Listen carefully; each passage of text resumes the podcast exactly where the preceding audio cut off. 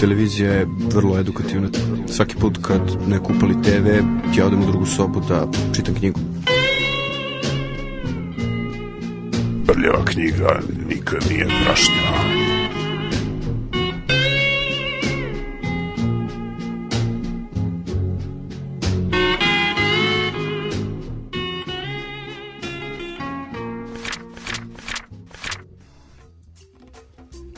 Radio Galaksija. E, da. Još jedan segment. Jeste. Da, I primit ćemo se lagano kraju još jedne radio galaksije. Te u tom smislu, dakle, ono što imamo, mislim, zove za za sam onaj, za sam kraj jeste redovna rubrika a pisac o kome ćemo govoriti malo o ovoj rubrici je James Blish. E, James Blish je jedan interesantna, neki bi rekli jedna od ključnih ličnosti za afirmaciju naučno-fantastične književnosti ovaj, kao ozbiljnog žanra u 20. veku. On je onako rodio se u New Jersey u 1921. godine. Umro je nažalost, mislim, zove relativno rano u 54. godini 30. jula 1975 a umeđu vremenu je međutim jako mnogo toga uradio. Znači njegova, čak i počeo relativno kasno da piše, mislim zove, on je tek počeo da piše sa recimo 35 godina, što se generalno smatra relativno kasnim u književnosti i umetnosti uopšte, ali za tih nepunih 20 godina koliko je bio aktivan, on je jako mnogo uradio i uradio je i na stvaralačkom polju čisto, a takođe i na polju znači kritike, eseistike, kritičke recepcije, e, naučne fantastike, a takođe i na znači generalno ovako kako bi se reklo popularizaciji žanra. Dakle, Bliš je originalno mislim da nameravao da bude biolog, čovjek je studirao biologiju na, na prvo na Radgersu, a potom na Univerzitetu Kolumbija tokom drugog svjetskog rata bio je u vojsci kao medici, kao sanitetski tehničar a posle rata je se zaposlio u Ficeru, u čuvenoj farmaceutskoj e, kompaniji gde je jedno vreme bio neka vrsta e, urednika njihovih publikacija a, i u principu u tom periodu je već počeo negde tokom drugog svjetskog rata u principu počeo je da nešto autorski piše, tada su mu se pojavile i prve neke kratke priče, a onda ovaj, je negde recimo od 1947. godine recimo nešto posle Drugog rata počeo da se bavi književnošću i recimo tada od 56. je profesionalni profesionalni pisac. E, on je ako ima nekoliko zanimljivih stvari vezanih za njega. E, smatra se da je u jednoj svojoj jako poznatoj ranoj priči Solar Plexus on prvi mm, prvi skovao i prvi upotrebio termin gasni džin, mislim zove, odnosno gas giant koji je postao ono, uobičajni za planete Jupiterovog tipa. Uh, njegovo najpoznatije, mislim ima nekoliko stvari po kojima je jako poznat. Jedna stvar je, mislim, što je bio jedno vreme scenarista za Zvezdane staze. E, I to je, mnogi kažu, mislim, zove bio možda jedan od najboljih najboljih perioda zvezdanih staza, mislim, zove negde u a, kasnim 60-im i ranim 70-im godinama. A, on je e, poznat je po svojoj tetralogiji kako se obično obično naziva, mada tu ima više nekih knjiga, samo oni su obično, obično su uređene u ta četiri dela pod nazivom Gradovi u letu a, i to je onako jedna vrlo interesantna stvar koja je kasnije inspirisala mnoge ljude, mislim zove da naprave neku vrstu to tako avanturističke, znači polu ono omladinske književnosti koja se baš mislim bazira na ovaj, avanturističkoj premisi u ovom blišovom slučaju u tome da su zahvaljujući izumu antigravitacije i specifičnog znači antigravitacionog mehura postalo je moguće dakle podići gradove, mislim zove sa površine zemlje, mislim zove i pretvoriti ih praktično u svemirske brodove.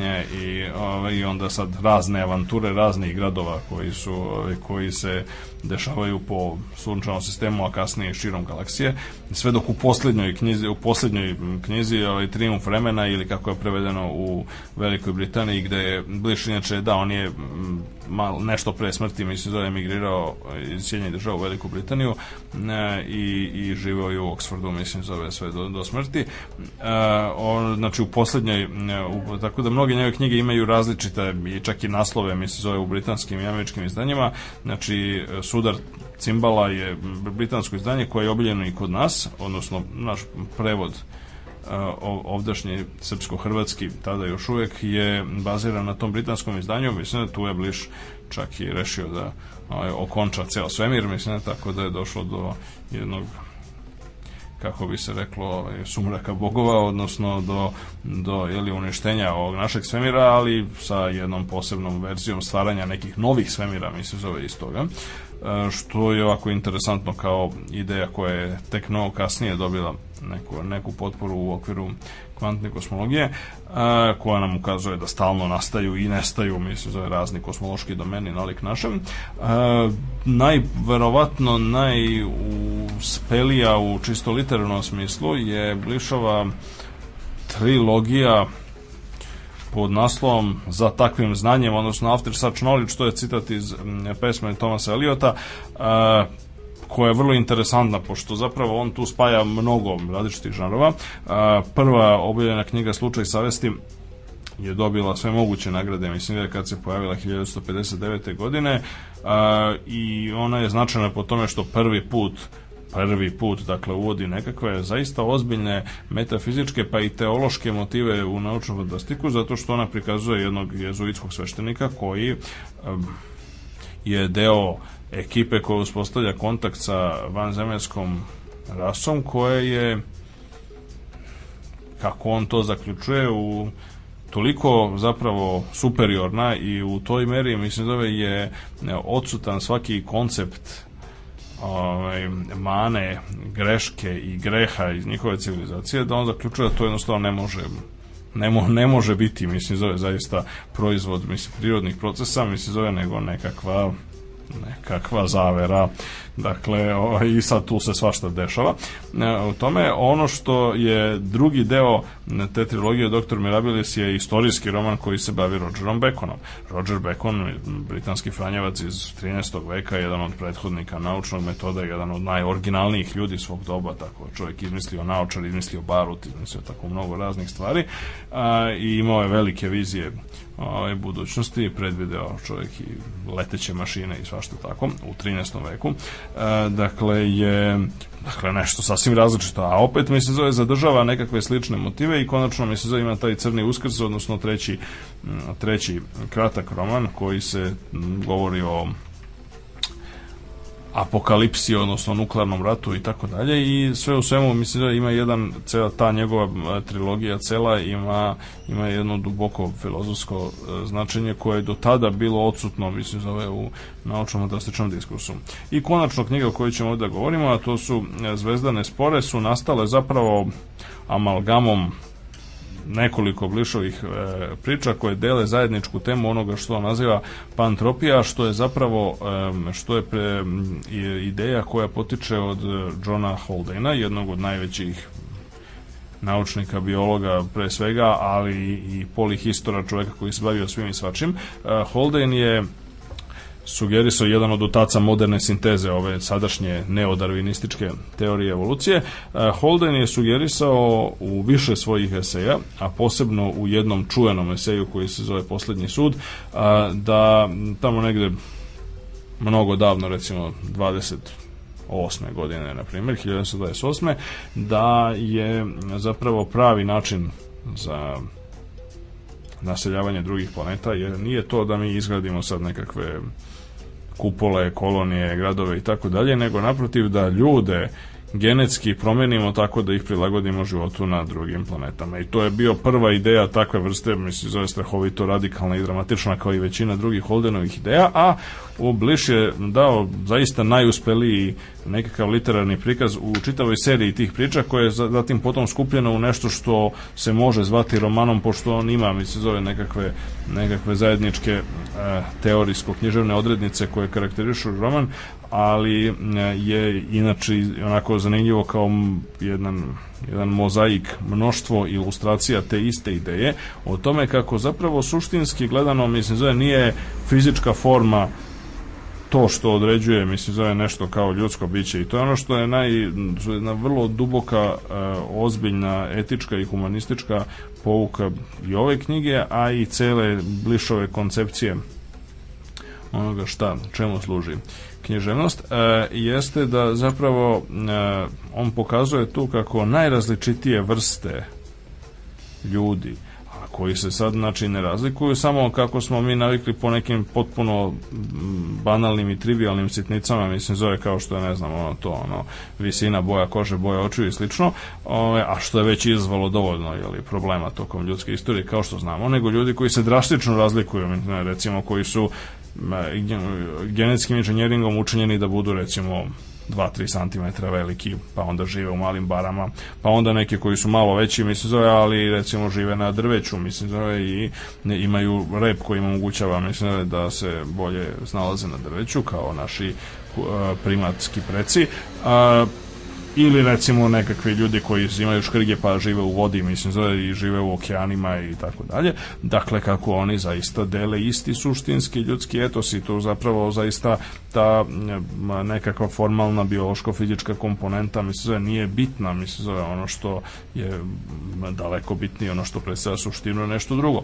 A, velika a, ironija cele, cele knjige Zvezdanih, Zvezdanih spora, cele knjige koju svakako preporučujem najsrdačnije. Kod nas je izašla u starom dobrom izdanju biblioteke Kentaur i to iz najboljih dana ove, ove edicije. Preveo je niko drugi, mislim zove, nego Darko Suvin, a Darko Suvin je jedan od najvećih svetskih teoretičara, mislim zove, inače sad mi bi rekli danas, jeli, hrvatskih, ali on je čovjek dugo, dugo vremena, mislim zove, radi, radi već u Sjedinjenim državama i u Kanadi a, i on je smatra se jednim od najvećih svetskih teoretičara naučne fantastike, znači na planeti, apsolutno, mislim, zove čovjek je citiran u malte ne svakom broju, recimo Science Fiction Studies, koji je akademski časopis posvećen teoriji naučne fantastike, a e, znači Darko Suvin i njegova supruga su preveli ovu knjigu, izdanje je 1978. izdavački zavod Jugoslavija Beograda u tiražu od 5000 primjeraka, a, dakle urednik Ivan Lalić, to je isto zanimljivo. E, te se u svakom slučaju, znači ovo je sjajan prevod zaista i sjajno izdanje, ko uspe da ga nađe, mislim da ja sam ga viđao po beogradskim antikvarijatima u više navrata, svesredno preporučujem. A, ona počinje prikazom jedne rep, prikazom represije jedne vrste, mislim zove, znači nad onime što ljudska civilizacija znači doživljava kao monstrume, a to su znači ljudi koji su nedužne žrtve zapravo eksperimenata, mislim zove sa prvim prilagođavanjem, mislim zove odnosno genetskim inženjeringom.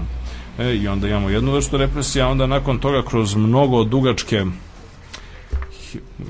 stotine godina i hiljade godina, mislim, zove evolucije ljudi na raznim mestima i na raznim delovima sveta, znači on je tu inkorporirao najrazličitije pričice, znači bukvalno imamo, mislim, zove, imamo tu onako horor, avanturistički, ono, istorijski žanr, šta god, e, konačno dok na kraju u četvrtom delu koji nosi naziv watershed, odnosno razvođe, kako bi ga je Suvin lepo preveo, mi dolazimo do potpuno inverzne situacije koja predstavlja najveću ironiju, znači ja ovime neću otkriti ništa posebno, mislim zove to je jako poznata stvar, mislim zove znači nije ono u stilu ubica je Butler leši Ormanu, a, dakle dolazi do situacije u kojoj se kako čitalac može da pretpostavi maltene od početka zbog ljudskog neodgovornog ponašanja zemlja planeta Zemlja je postala umeđu vremenu nenastanjiva, to jest postala je nenastanjiva, mislim, zove za osnovni, osnovni tip ljudi, tako da je neophodno, mislim, zove prilagoditi ljude, mislim, zove na to da bi oni mogli da zapravo žive na zemlji. Tako da je neophodan dodatni genetski inženjering, znači ne da bi se otišlo na druge planete, nego da bi se iz drugih planeta vratilo na zemlju koja je umeđu vremenu postala nenastanjiva. I sad samo po sebi, mislim, zove ta ironija već zaslužuje onako dublje, dublje ove, razmišljanje i promišljanje i da je to čovjek napisao ipak davne 1950, krajem 50. godina, krajem 50. godina, dakle još pre leta Jurija Gagarina, na primer, pa da ne govorimo o Neilu Armstrongu i Space Shuttle i ovim ostalim stvarima i, nego, i pre nego što je struktura DNK bila sasvim jasna, mislim, zove kako jeste danas i pre dešifrovanja ljudskog genoma i slično te u tom smislu je to zaista, mislim, zove jedna onako velika vizija koju svakako preporučujemo svim našim slušalcima. Za sam kraj, jedan odlomak sa blizu početka zvezdanih spora.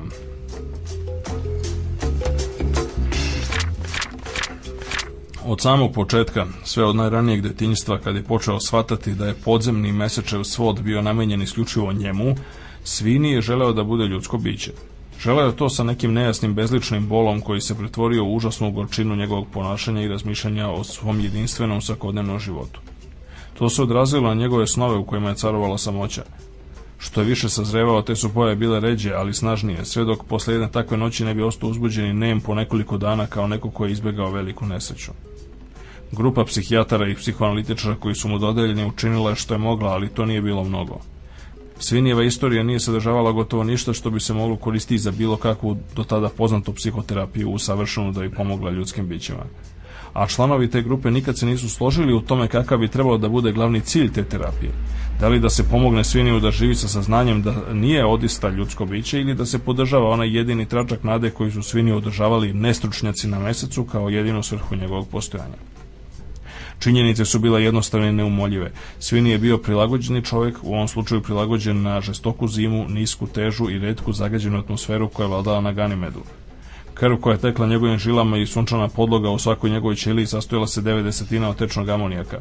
Njegove kosti su bila led 4, njegovo disanje bilo je složeni ciklus počevši od vodonika do metana koji se nije zasnivao na katalizi pigmenata koji sadrže gvožđe, već na kidanju i spajanju dvostrukih sumpornih veza. Ako bi se ukazala potreba, mogo je sedmicama da živi hraneći se ledanom prašinom.